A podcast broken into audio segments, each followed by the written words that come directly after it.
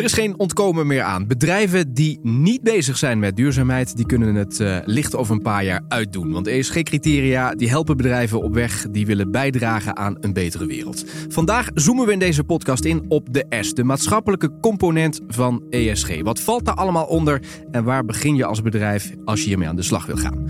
Welkom bij Vooruitgang Ontcijferd. Dit is een XTR Branded Content Podcast in samenwerking met KPMG. Mijn naam is Tom Jessen en bij me zijn duurzame voorlopers van het eerste uur die hier alles over weten. Namelijk Annelien van Meer, duurzaamheidsadviseur bij ASR. Fijn dat je er bent. Dank je. En Louise uh, Vitopil, senior manager business and human rights bij KPMG. Goed dat jullie er zijn. Dank je wel. We gaan uh, met jullie uh, doorpraten over dit onderwerp. ESG staat voor Environmental, Social and Governance. die criteria die laten zien hoe een bedrijf bijdraagt aan een duurzame wereld. Nou, over milieu en governance hebben we het in een andere aflevering al uitgebreid gehad. In deze aflevering zoomen we dus nader in op die S, die maatschappelijke component van ESG. En dat is ook nogal breed. je denkt, oh, dat is die S, dus we gaan het best wel versmallen. Maar die S is ook nog ontzettend breed. Louise, wat valt dan allemaal onder, onder die S? Nou, daar kan van alles onder vallen. En dat ligt er eigenlijk aan aan wie je het vraagt met wat voor antwoord ze zullen komen. Um, dat gaat eigenlijk over hoe verhoudt een bedrijf zich tot de maatschappij, dus tot society. Dat kan zijn hoe gaat een bedrijf om met um, mensenrechten, hoe gaat het om met ongelijkheid binnen de eigen organisatie.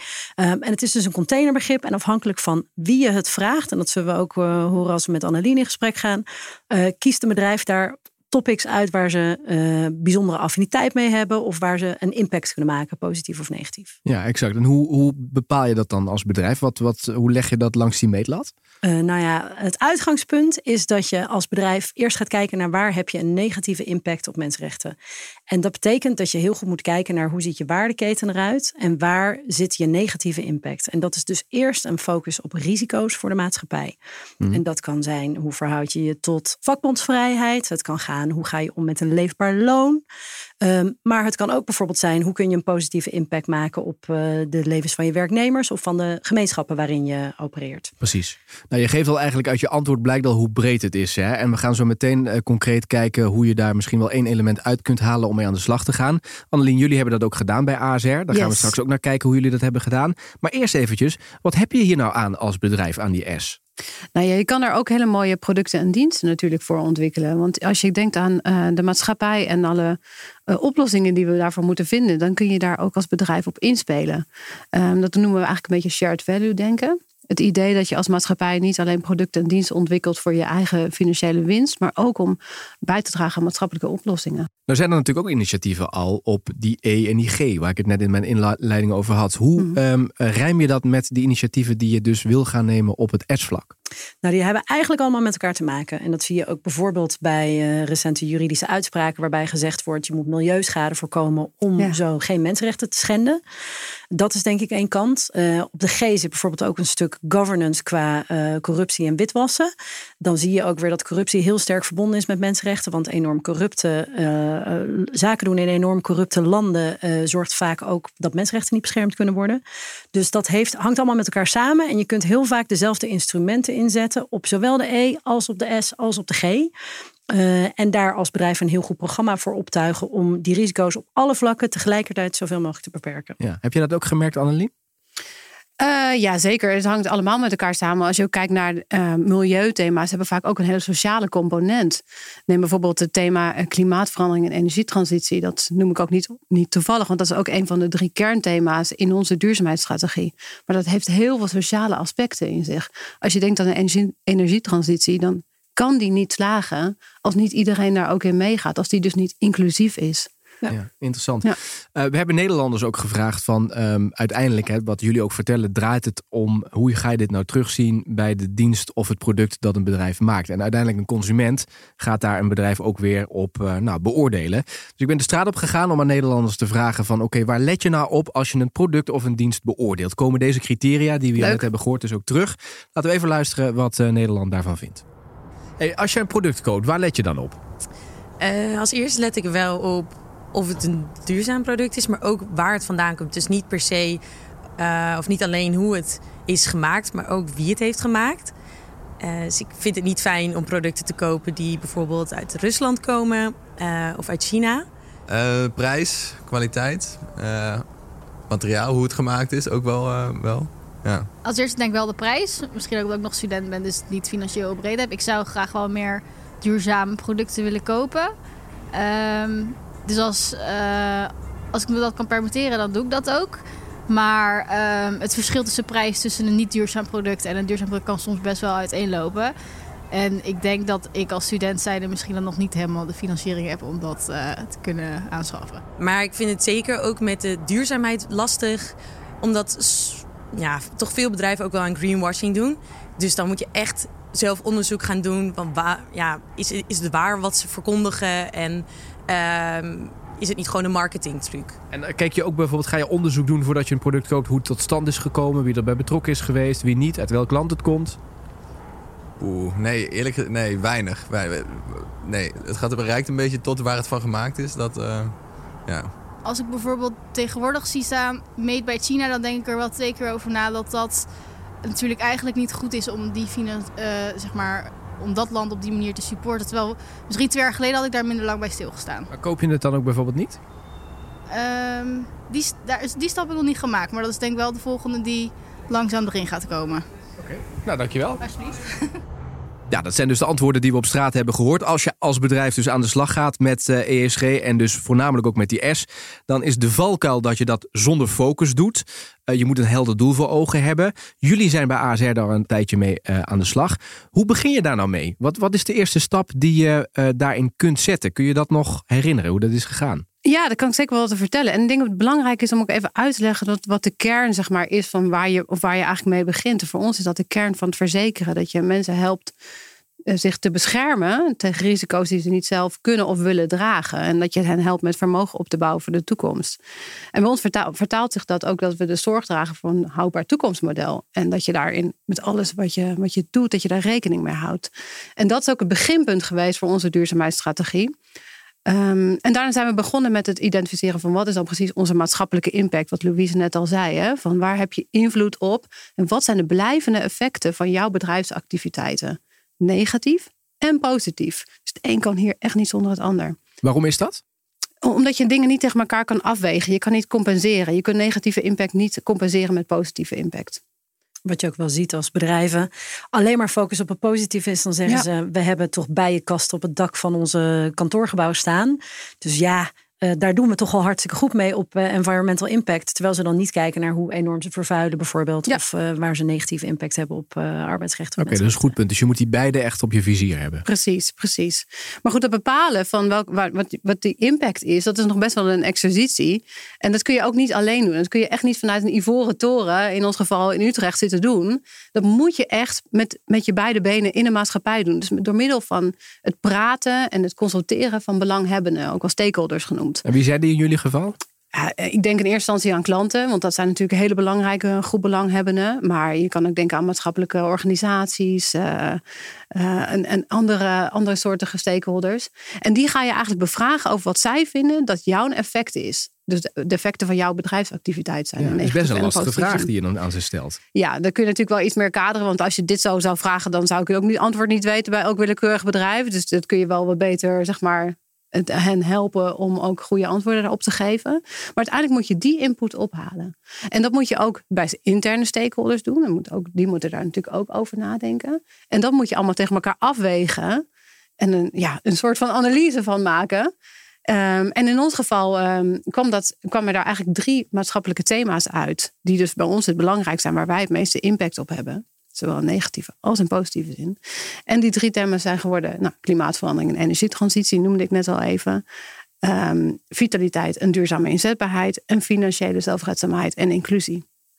Dus dat, dat zijn dan de thema's waar je op verder gaat in je strategie. Precies. Nou, dat is een heel mooi uitgelegd hoe dat dus in het begin eruit heeft gezien. Louise, is dit wat jou betreft voor iedereen het startpunt? Of is dit echt maatwerk? En moet je per bedrijf kijken wat voor jou goed werkt? Nee, ik denk dat dit wel een heel goed startpunt is. En ik denk dat eigenlijk de voorvraag nog is Ehm, dat je zelf heel goed moet begrijpen hoe je waardeketen eruit ziet, je value chain. Dus de eerste vraag zou moeten zijn: waar heb je impact? Maar om die vraag goed te kunnen beantwoorden, moet je heel goed begrijpen hoe je waardeketen eruit ziet. En dat is natuurlijk voor een ehm, financiële instelling of verzekeraar in Nederland totaal anders dan uh, voor een bedrijf wat uh, voedingsmiddelen produceert over de hele wereld. Ja. Die waardeketen is heel complex en je moet eigenlijk dan in kaart brengen van wie is daarbij betrokken, van consumenten tot boeren tot fabrieken, uh, tot toeleveranciers. En op wat voor manieren kun je een positieve of een negatieve impact hebben in ieder deel van die waardeketen.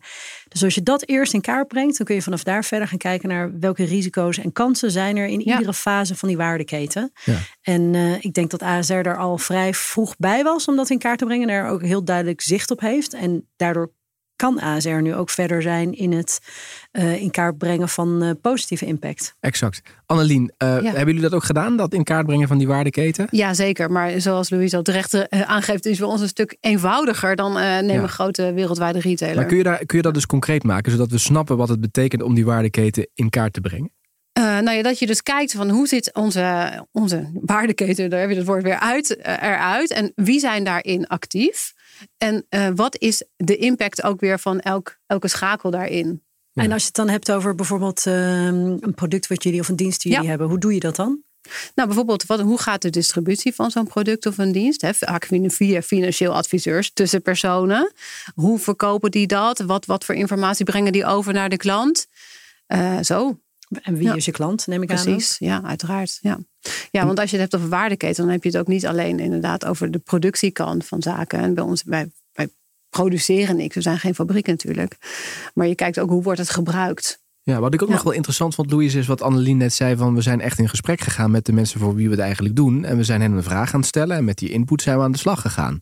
Wat is wat jou betreft daar de toegevoegde waarde van? Nou, dat is echt schoolvoorbeeld, vind ik. Dus de, alleen al dat vind ik uh, toegevoegde waarde. Mm -hmm. Nee, dat schrijven de richtlijnen ook voor. Dus die zeggen ook, je moet consulteren de mensen om wie het gaat.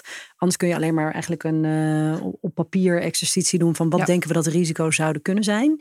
Maar je moet de mensen bevragen om wie het gaat. En dat kan direct of dat kan indirect. Dus het kan. Maar het is wel belangrijk om, ja. sorry, ja, interruperend, maar het is wel belangrijk om ook te kijken naar inderdaad niet alleen de grote professionele belangenorganisaties, maar ook juist de kleinschalige, misschien minder georganiseerde. Ah, dat is een goed punt. Dus uh, en de grote clubs, maar ook de, de, de kleinere mensen voor wie je het Precies. doet. En, en is, Louise, denk je dan dat zij ook je de antwoorden kunnen geven waar je naar op zoek bent? Nou, dat ligt er heel erg aan hoe je de vraag stelt. Dus dat is denk ik uh, één kanttekening. En ik denk dat het voor bedrijven echt wel even wennen is. Want bedrijven zijn wel gewend aan risico's in kaart brengen, maar niet risico's voor mensen. Die kijken meestal naar risico's voor het bedrijf.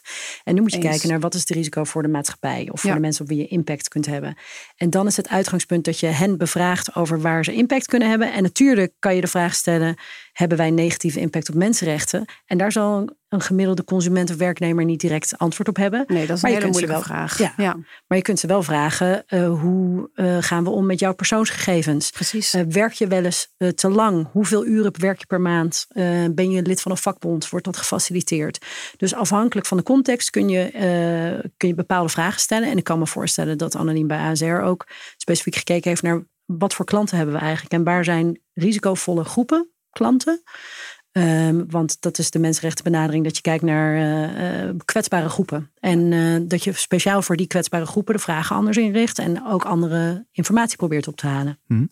Annelien, hadden jullie dit allemaal in, in huis? De, de, om dit kennis? Te, nou ja, niet misschien deze kennis, maar ja. wel om dit te doen. Want je moet dit gaan organiseren. Je, dit is ja. iets wat, je, wat nieuw is, is wat je niet project, hebt gedaan. Echt, ja, hoe, hoe gaat dat? Ja, en wat ik er ook bij aan wil tekenen. Ik zeg net, het is een project, maar het is eigenlijk een continue exercitie. Dus het is ook een, een project dat zichzelf continu herhaalt. Want dus je bent er nu nog steeds mee bezig? Zeker. Hmm. Ja, de maatschappij die, die, die is ontzettend aan verandering onderhevig. Dus ook jouw impact erop. En ook de, de maatschappelijke ontwikkelingen die weer impact hebben op jou als bedrijf. Dus je, het is eigenlijk een continue. En je bedrijfsactiviteiten veranderen ook. Dus Precies. Op het moment dat je een nieuw project opstart, moet je eigenlijk weer kijken ja.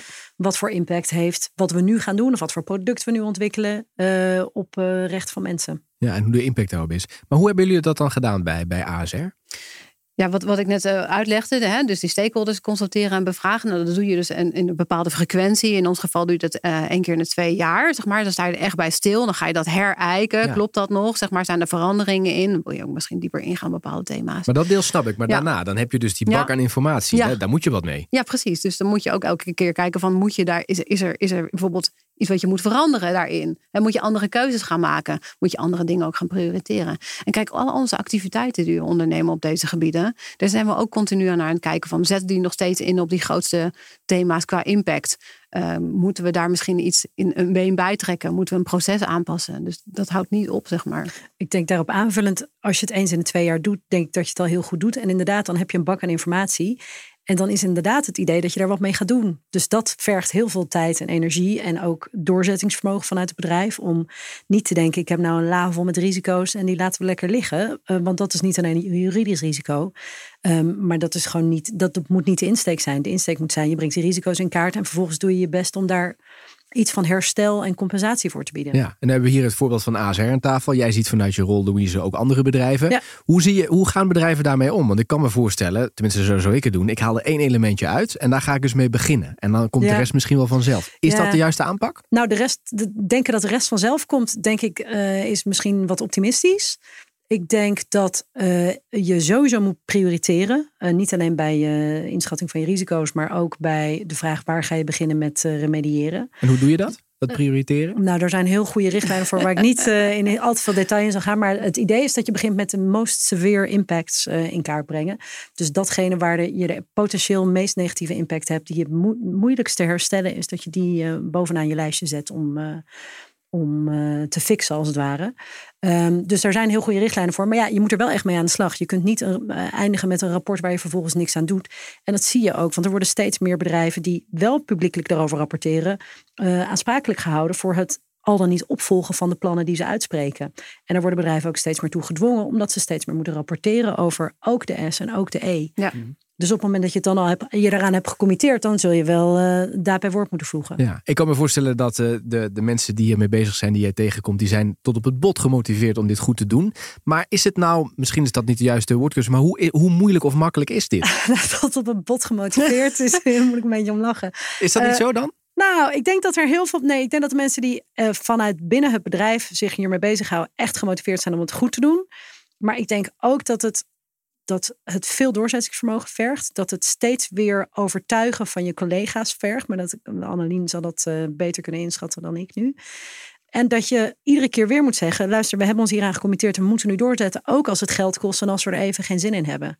Um, maar Annelien die heeft denk ik uh, misschien wel voorbeelden van. Vertel. Nou ja, intern draagvlak is inderdaad een ontzettend belangrijke ja, voorwaarde om hier überhaupt mee te beginnen. Want als je dat niet hebt, dan, ja, dan kun je het beter misschien maar niet doen. Dus dat, dat, daar zijn wij, als je het hebt over hoe zijn wij begonnen, daar zijn wij wel echt mee begonnen ook. Om daar echt voor te zorgen. En daarom zijn die interne stakeholders ook zo belangrijk. Het is echt dus nog, nogmaals niet een exercitie die je kan doen in je eentje achter een laptopje in een torentje ergens. Nou hoor je er veel over, dus je zou zeggen, oké, met dat draagvlak zit het wel goed, maar uh, schijnbaar heb je toch altijd nog mensen te, voor je te winnen. Hoe zit het met de weerstand bijvoorbeeld? Kun je me misschien een voorbeeld geven van wat je te horen krijgt als je dit, hè, nou als je dat draagvlak wil creëren? Een algemene observatie van mij is wel dat, uh, dat in het Nederlands bedrijfsleven zit heel veel energie op positieve impact. Dat zie je echt heel erg terugkomen. En daar willen mensen zich voor inzetten. Daar, daar gebeurt van alles. Er ontstaan fantastisch mooie nieuwe initiatieven. Maar negatieve impact, dat is altijd een beetje lastiger. En dat is ook wel begrijpelijk. Maar dat heeft denk ik ook met onze Nederlandse eh, karakter te maken. Um, en dat heb ik heel veel gezien. Ook omdat ik een tijd zelf gewoond en gewerkt heb in Zweden. Dus kan ik het een beetje vergelijken. Um, maar dat is wel heel belangrijk om dat te blijven uitdragen als je in een functie zit als, als die van mij. Omdat dat we dus die negatieve impact ook moeten adresseren. Hmm. En ik denk dat dat heel goed gaat. Herken je dat, Louise? Ja, dat is echt ontzettend herkenbaar. Maar ik denk dat uh, bedrijven heel snel zeggen: ja, maar we doen toch ook heel veel goeds. En dat is vaak ook zo. Je kunt Zeker. ook positieve impact hebben, maar de start is ook je negatieve impact in kaart brengen en mitigeren. En als je daarna ook van alles kunt vertellen over wat je allemaal geweldig doet, dan good for you, uh, doe het vooral. Maar die negatieve impact moet je wel in, uh, inzichtelijk maken. En je ziet wel dat er steeds meer aandacht voor is met recente juridische ontwikkelingen. Um, die uh, duidelijker maken wat je verplichtingen op dat vlak zijn. Maar dat vergt nog heel veel overtuiging. Want het is gewoon niet zo'n heel sexy verhaal om te zeggen: ga nou eens eerst kijken waar het misgaat. En ga daar geld tegenaan gooien en, uh, mm -hmm. uh, om het in kaart te brengen en om een probleem vervolgens op te lossen. Ja. Maar ik denk dat als je dan die stip aan de horizon in je achterhoofd hebt, zoals ASR die heeft, van je brengt eerst een negatieve impact ja. in kaart en daarna werk je toe naar waar kun je je positieve impact vergroten. Ja uh, als dat je lange termijn perspectief is, dan denk ik dat dat mhm. heel, een heel mooie insteek is. Veel aandacht dus ervoor. Hoe staan de bedrijven, voor zover jij dat vanuit jouw positie kunt inschatten, ervoor als het gaat om ehm, echt serieus bezig zijn en het ook aanpakken en implementeren van die S waar we het over hebben? Ik denk dat dat nog heel weinig gedaan wordt in Nederland. Ik denk dat het een heel uh, in die zin nog een onvolwassen vakgebied is. Ik denk dat er in Nederland heel veel aandacht is voor de E en nog heel weinig voor de S. Ook omdat het complex is en omdat uh, heel veel onderwerpen heel gereguleerd zijn, zoals bijvoorbeeld privacy, zoals bijvoorbeeld vakbondvrijheid. Dat is in Nederland voor heel veel mensen, uh, denken ze ja, maar het is toch gewoon juridisch goed geregeld, dus daar hoeven we niks mee. Dus ik denk dat heel veel bedrijven nog helemaal geen zicht hebben op wat voor impact ze hebben op de S en, uh, en hoe dat beter kan.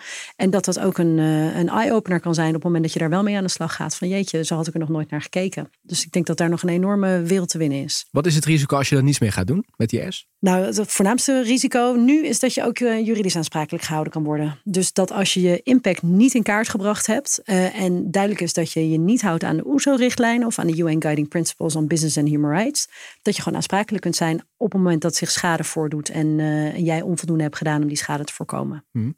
Louise, zijn er eigenlijk ook commerciële kansen rond dit thema? Zeker. Ik denk dat als je goed weet wat je negatieve impact is en waar je positieve impact kunt maken, dat je heel goed aan klanten uit kunt leggen waarom een product meer kost en waarom je er energie aan besteedt en, en dus geld.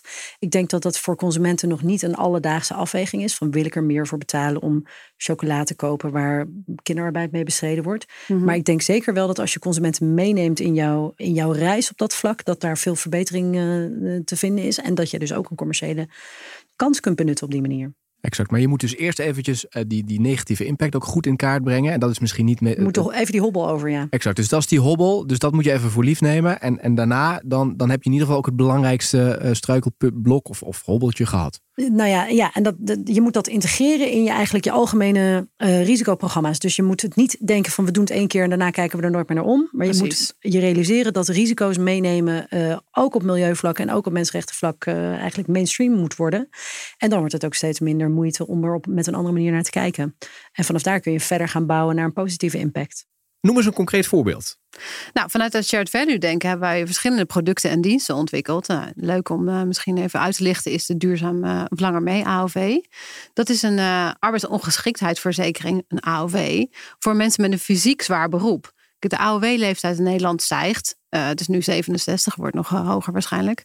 en die mensen houden het vaak fysiek niet vol om tot die, tot die tijd te blijven werken. Nou, daar hebben we een speciale arbeidsongeschiktheidsverzekering voor ontwikkeld. Uh, en daarbij zetten we echt in op, uh, op die mensen duurzaam inzetbaar te houden. Tot ze wel die AOW-leeftijd uh, kunnen bereiken op een gezonde manier.